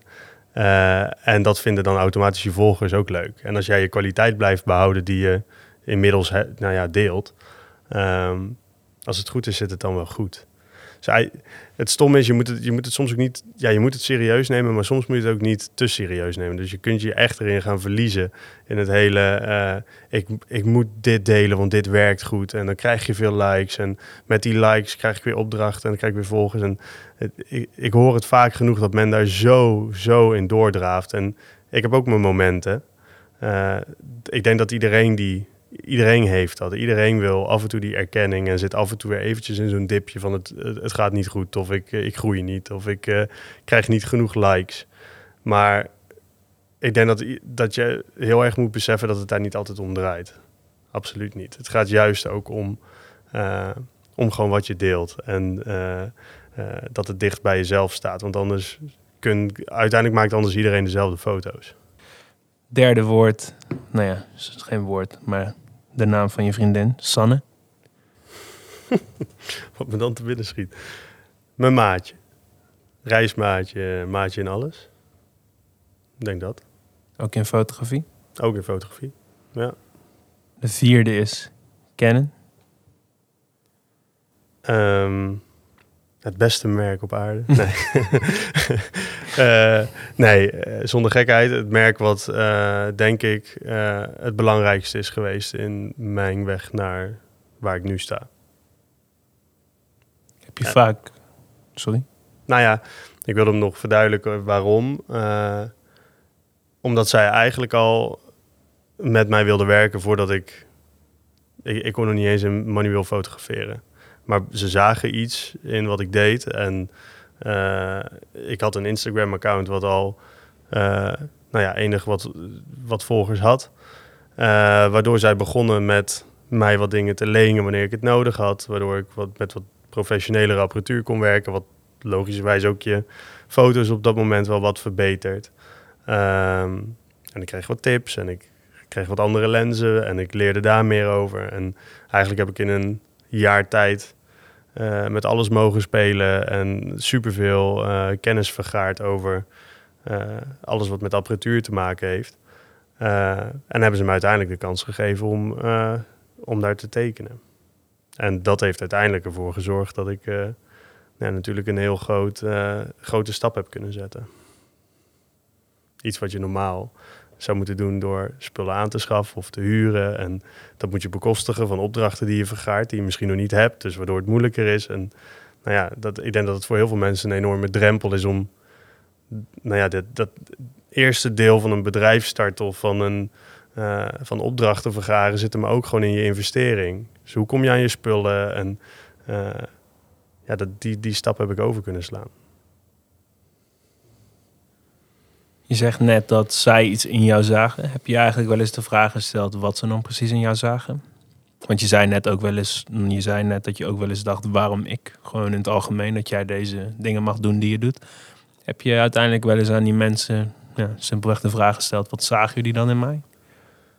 Ehm, ik heb hem niet letterlijk op die manier gevraagd, maar ik weet wel dat ik.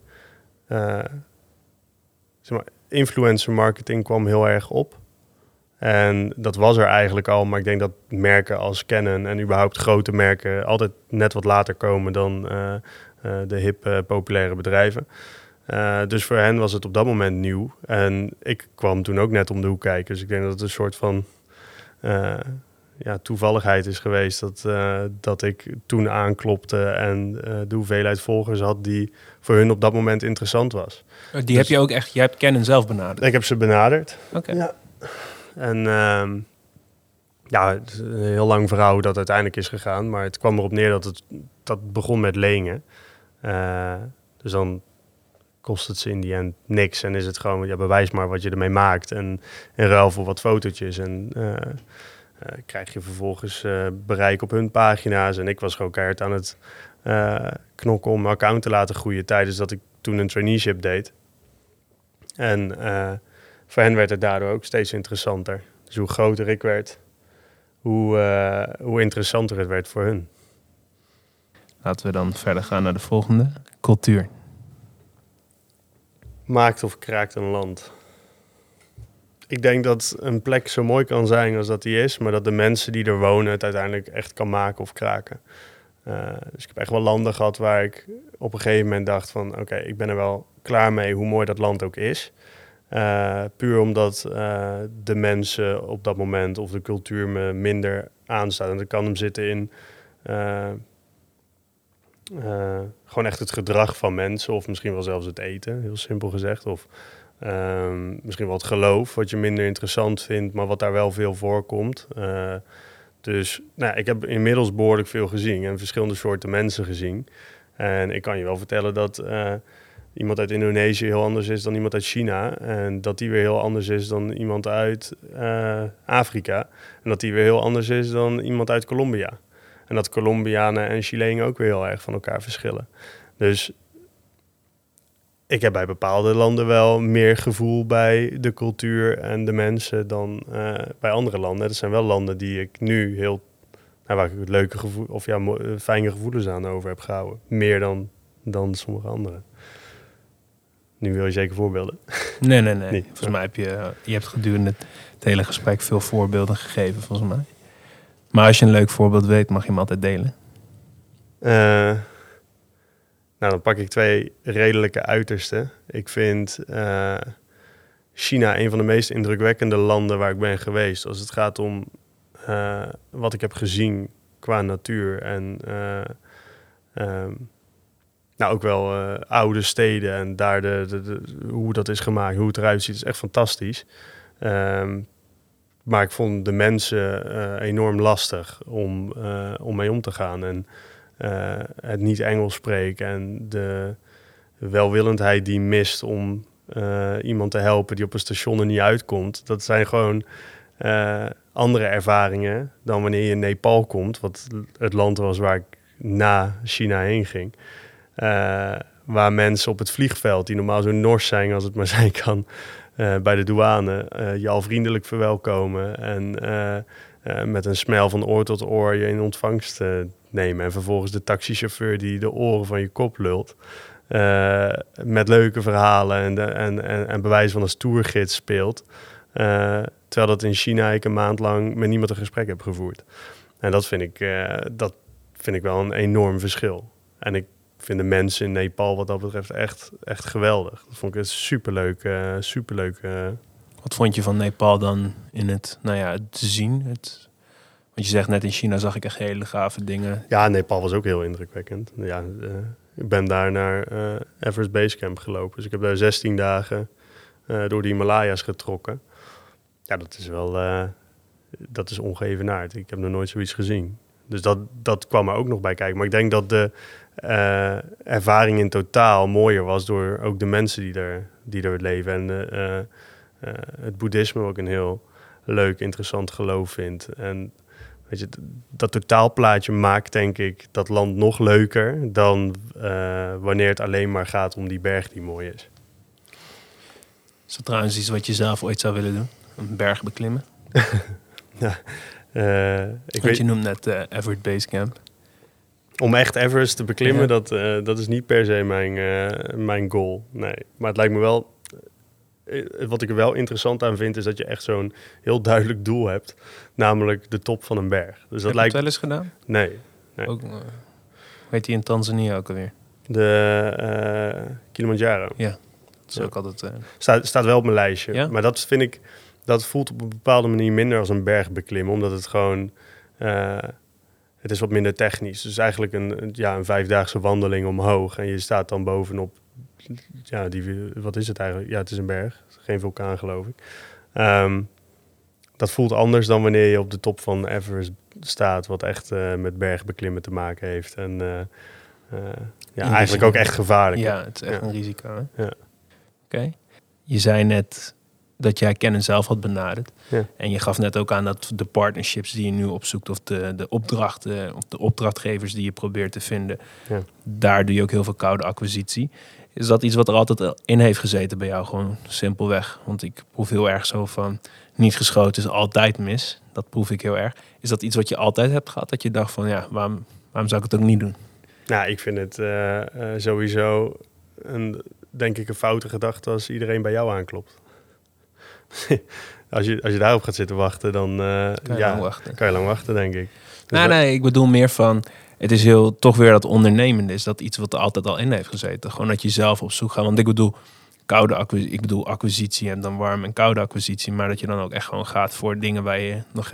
Dat vind ik toch wel ook, ook, ook getuigen van lef. En dat je iets durft en dat je ook... Waar komt dat vandaan? ja, dat vind ik... ik Het bedoel- is ook best wel makkelijk inmiddels, hè. Dus het is eh, eh, een mailtje sturen of even een eh, DM'tje sturen. Met je account, zeker een DM op Instagram. Je, je stuurt een berichtje waar je account achter hangt, waarbij je al weet dat je een following hebt die redelijk interessant is. Je hebt je foto's als portfolio, dus men, je, hoeft, je hoeft men niet per se heel erg te overtuigen van wie je bent en of dat goed genoeg is. Dus het, is meer van, hey, hier ben ik, sluit dit op dit moment aan op wat jullie zoeken. En dat kan dan een ja of een nee zijn. Ehm, dus in die zin is een koude acquisitie, hoe koud is hij nog? Je weet eigenlijk dat, die, dat je aansluit, want anders zou ik ook geen, geen berichtje sturen. Uh, het is puur hopen uh, dat op dat moment iets loopt waar je uh, aan bij kan dragen. Is dat iets, want dat hoor ik ook heel erg, van je schrijft mailtjes en je zei het net al van, wil je goed kunnen fotograferen, gaat het om veel meer dan alleen de fotografie. Het gaat om je website, maar gaat ook om hoe benader je mensen. Dus hoe schrijf je een mailtje. Ja. Um, ik kan me heugen, ik had, uh, ik weet niet of je die app kent, Medium. Dat is ook zo'n platform waar mensen nou ja, kennis kunnen delen. Het is een soort uh, ja, blogomgeving als het ware, waar mensen over hun eigen interesses kunnen schrijven. Mm -hmm. En dan heb je ook, ook schrijvers die zeiden inderdaad, uh, goed leren schrijven heeft me uiteindelijk heel veel gebracht. Mm -hmm. Want het goed kunnen uitdrukken van wat ik wil en waar ik naar op zoek ben, nou, dat, dat is eigenlijk iets wat van onschatbare waarde is. Um, dus die schrijver die dat blog schreef, die zei ook van door de mailtjes die ik schreef toen ik nog in de corporate wereld zat, tot aan het schrijven van meer inspirerende teksten of boeken. Het heeft me altijd heel veel gebracht door goed te leren verwoorden wat ik nou eigenlijk wil. Heb jij daar dan nog bijvoorbeeld tips bij? Um, blijf bij jezelf. Ik denk, tenminste, dat is wat ik doe. Um, en dan het, het suf is natuurlijk wel, dan moet je zelf dus ook wel zo zijn. Uh, maar ik, ik blijf altijd heel erg bij mezelf met mijn mails. Dus ik steek ze niet te zakelijk in.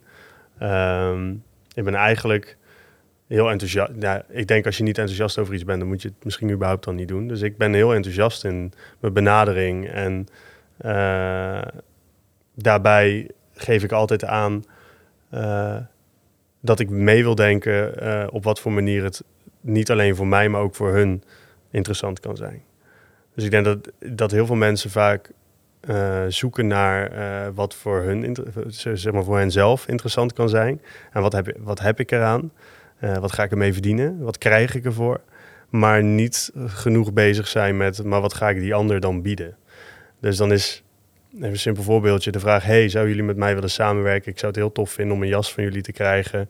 ik ga namelijk naar de Alpen en ik denk dat ik zeker... Uh, die jas kan gebruiken tijdens mijn hike naar de Alex Gletscher. ik hoor het wel.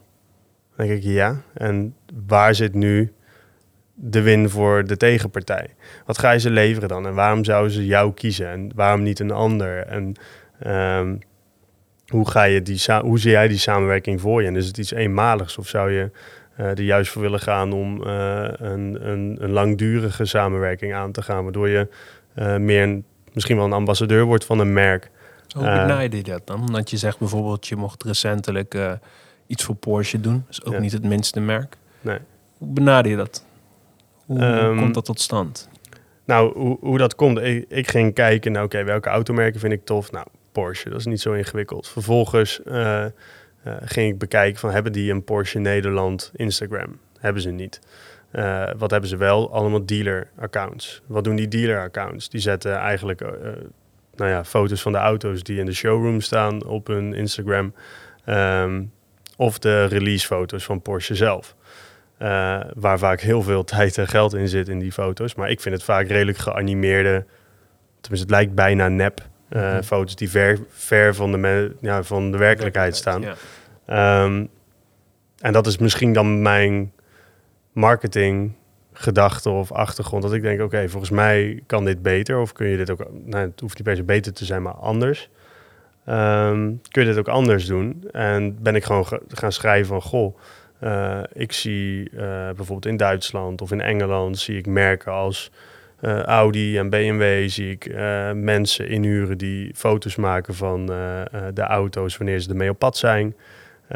En die gebruiken ze voor hun social media accounts, buiten dat ze alleen maar laten zien wat er in de showroom staat. Puur om een soort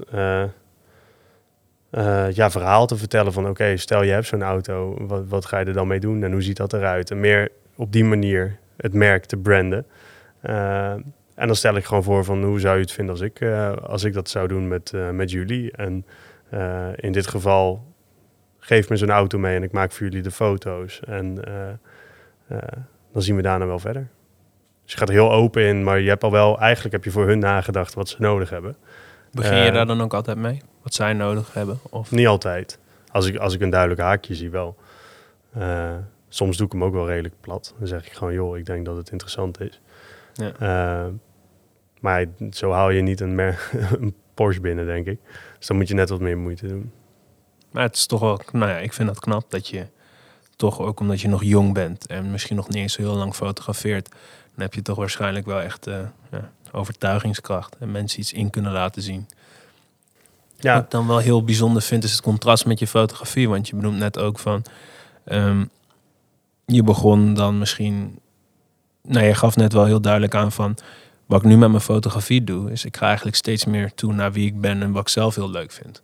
Dus dat je steeds meer opzoekt wat je zelf wil. In plaats van dat je heel erg bezig bent met... hé, hey, ik heb een, een following. Hoe kan ik die nou optimaal bedienen?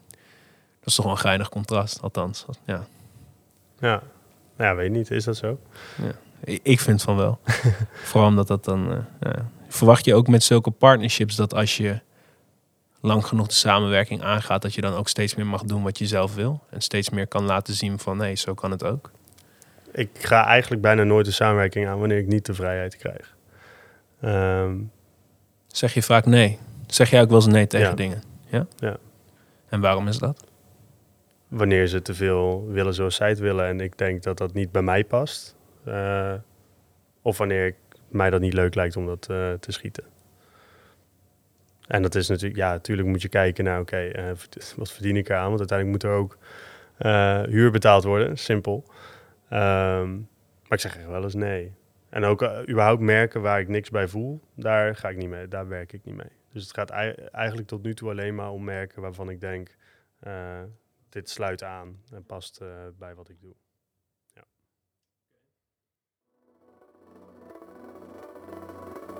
Ben je nieuwsgierig naar het werk van Sjoerd? Bekijk dan de serie Meer dan een moment op het YouTube-kanaal van cameranu.nl.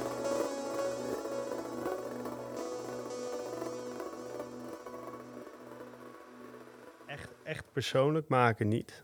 Dus eh, eh, eh, het wordt niet zo dat ik, eh, dat ik echt ga vloggen en eh, mijn hele privéleven op, eh, op internet ga zetten. Nou, dat is ook niet zozeer wat ik bedoel, maar meer zoals bijvoorbeeld nou ja, een Robin. Die Ja, fotografeert heel erg vanuit een persoonlijke belevenis. Dat doe jij uiteindelijk ook, want reizen is voor jou heel belangrijk. ja. Maar die praat er ook meer over. Die is best wel uitgesproken in dat opzicht. Mhm, En P-Arts, waar je ook wel eens over hebt gehad. mhm. Die is ook heel erg nou ja, bewust bezig met klimaatverandering, culturen die verdwijnen. En daar ook de verhalen over wil vertellen. Ja. Dat benoemt hij ook. Is dat iets wat je op termijn meer zou willen dan? Dat je iets vanuit, wat, wat zit er nou echt in jou? Wat je, Het is meer vanuit persoonlijke interesse of een bepaalde drive die je hebt en wat je wil overbrengen op mensen. nou ja, uiteindelijk doe jij denk ik ook iets heel persoonlijks, maar je gaat er heel zakelijk mee om. Je weet Ja. heel goed van hoe kan ik dat wel en niet doen. En Ja, hoe zorg ik ervoor dat het ook op de lange termijn het meest ja. rendabel voor mezelf is. Maar zou je op langere termijn juist meer willen vertellen over hoe jij de wereld ziet? Misschien is dat het wel meer. Wellicht. Wellicht. Ja, weet, weet ik niet. Ik, ik vind het heel gaaf wat, eh, wat sommige andere fotografen doen op, dat op dat vlak. Wie zijn dat dan? Eh, nou ja, je noemt een, een PR als voorbeeld net. Eh, ja, ik vind het gaaf wat hij heeft gedaan met zijn boek. En wat hij nu doet met, met die prins. Ehm, is het iets wat ik per se zelf wil doen? Nou, misschien nog niet. Ik denk dat het iets is wat ook ontstaat. En ik denk dat heel veel mensen die eh, op dat vlak al best ver zijn... eh, misschien al wel tien jaar fotograferen. En ook veel meer eh, gaandeweg hebben ontdekt wat ze gaaf vinden... hoe ze over bepaalde dingen nadenken en hoe je dat vastlegt en hoe je dat vervolgens ook vertelt. En dat daar voor mij nog een, een, hele leercurve is. En dan kan ik niet per se de vinger op leggen van wat is dat dan. Maar als ik zie wat ik in de afgelopen drie jaar voor leercurve heb meegemaakt, kan ik me voorstellen dat die curve nog doortrekt en dat je dan eh, meer op dat vlak gaat groeien. Dus echt in het vertellen van een, een verhaal of het overbrengen van een, eh, eh, nou ja, van een bepaald doel. Is dat iets wat je... Nou ja, iets wat dat, dat groeien vind je dat belangrijk? Dat je ook groeit als fotograaf? Want je zegt die leercurve die ik in de laatste drie jaar heb gemaakt, mocht dat zich doortrekken, dan misschien gebeuren die dingen dan ook. Eh, omdat ze dan ontstaan. Maar even in het algemeen, vind jij dat belangrijk? Dat je blijft doorgroeien, het ontwikkelen? Ik denk dat het anders geen, eh, geen reet aan is. Ja, Is dat met alles wat je doet? De behoefte toch wel om telkens een stapje verder te gaan. Ja, maar dat komt denk ik ook omdat je je eh, op grote schaal vergelijkt. Dus, eh, en dat is wel iets wat misschien ook wel social media doet. Maar ik denk dat het met alles is. Eh, ik, wil, ik wil de dag erop wel beter zijn in hetgeen wat ik doe dan de dag ervoor. Dat is het, ja. ja anders blijf je ook maar een beetje voor het kabbelen. Lijkt me ook, dat lijkt me niet, eh, niet echt leuk. Nee. Nou ja, gesproken over toekomst. Heb je eigenlijk naast fotografie nog andere creatieve uitingsvormen waar je wellicht in wil gaan investeren? Video. Je doet natuurlijk nu al drone shots. Ehm, ja, drone is nog vooral fotografie ook. Uh, ik heb wel video's hoor, maar ik eh, maak nog geen video's. Het is wel, dat is wel iets waar ik in zou willen ontwikkelen. Dus dat is eh, ehm, nou, iets wat misschien nog wel gaat komen. Maar dat heeft ook wel deels te maken met. Eh, eh, ik was nog zo gefocust op fotografie en met het beter worden in, in het maken van foto's, dat ik niet de ruimte had tijdens een reis die ik maakte om die voor mij eigenlijk de nadruk had om te reizen, om dan en foto te doen en video te leren en ook nog te reizen om te reizen. Dat, werd gewoon te veel. Dus ik heb dat eigenlijk altijd achterwege gelaten. En ook omdat eh, eh, de apparatuur die ik had op dat moment absoluut niet eh, de beste apparatuur was om te gaan filmen. En is dat een reden om het niet te doen? Nee. Maar wel als je je gaat vergelijken met mensen die hetzelfde doen als jij. En je vergelijkt je niet met de mensen die eh, in dezelfde straat wonen. eh, maar je vergelijkt je met iedereen die je volgt op Instagram, wat vervolgens de top is. En, en niet dat iedereen op Instagram de top is, maar hebt ook mensen buiten Instagram die in de top eh, thuis horen. Maar je, je vergelijkt je met mensen op hoog niveau. En ik ben wel iemand die eh, het liefst niet iets naar buiten brengt wat niet het niveau haalt wat ik voor ogen heb. Dus dan zit er nog zoveel tijd in voordat ik daar ben. Eh, dus ja, dat duurt nog even voordat ik met een videootje kom, denk ik. Maar is er nog iets wat je nu niet doet of helemaal niet mee bezig bent dat je denkt, daar zou ik misschien ooit tijd in willen gaan steken? Dromen. Gewoon dromen in het algemeen. Ehm, nou, niet zozeer. Ik heb het idee dat ik best wel eh, met dingen bezig ben al wat, eh, wat je een droom kan noemen. Dus ik eh, werk voor mezelf. Ik doe alleen, of tenminste voornamelijk dingen die ik leuk vind. En daar verdien ik mijn geld mee. En daarmee red ik het nu al een, een tijdje. En ik hoop het daarmee nog een tijd te gaan redden. En nee, echt verdere dromen niet. Ja, de reis afmaken, die, eh, die is afgekapt. Dat is een droom. Ehm, Het staat ook gelijk op de agenda. Als straks eh, het hele COVID gebeuren achter de rug is, dan eh, ja, weet ik niet. Kijk, je stopt, dan zou San ook weer moeten stoppen met de baan. En de timing moet goed zijn. Want naar Patagonië gaan in, in juli, dat heeft niet zoveel zin. Dus nee, dan moeten er echt wel wat, wat dingen op de juiste plek vallen. Wil dat eh, meteen kunnen. Eh, maar ik denk wel dat het, eh, dat het een droom is om in ieder geval die reis die een beetje gevoeld als gestolen, nog een keer af te maken. Ehm, nou ja, eigenlijk heb je denk ik een heel compleet verhaal verteld over wie je bent, wat je doet. En ook wel wat je motivaties zijn. Ehm, maar is er nog iets, nou ja, het gaat dan eigenlijk ook over jouw reis als fotograaf. Gedurende jouw reis als fotograaf. Dus wat was nou het meest leerzame? En wat zou jij andere mensen mee willen geven die één, misschien wel hetzelfde willen als jij? Of, Ehm Eén is gewoon doen. En dat klinkt heel cliché, maar eh, dat is het wel. typ je mailtjes. Nou, niet alleen dat, maar ook met fotografie. Want eh, er zijn maar zat mensen die misschien nu kijken naar wat ik doe en zeggen: Zo, ja, dat zou ik nooit kunnen. Eh, drie jaar geleden zei ik dat ook over mensen eh, die misschien wel een, een following hebben zoals ik dat heb. Eh, en nu de opdrachten krijgen, of toen de opdrachten kregen zoals ik ze nu krijg. En blijkbaar kun je dat dus in drie jaar redden als je, als je er gewoon voor gaat. Dus dat is iets gewoon doen. Ehm, twee, niet denken dat het allemaal geweldig is. Dus dat is ook iets. Ik denk dat heel veel mensen denken dat, eh, eh, volgers hebben op Instagram en allemaal leuke opdrachten doen daardoor, dat het allemaal maar leuk is. Terwijl dat je ook moet beseffen dat er heel veel dingen bij komen kijken die eigenlijk helemaal niet zo leuk zijn. Eh, en zeker de weg er naartoe is niet altijd leuk. Dus eer je een following hebt en het hele, nou, we hebben het er net al over gehad, social media is echt niet altijd positief of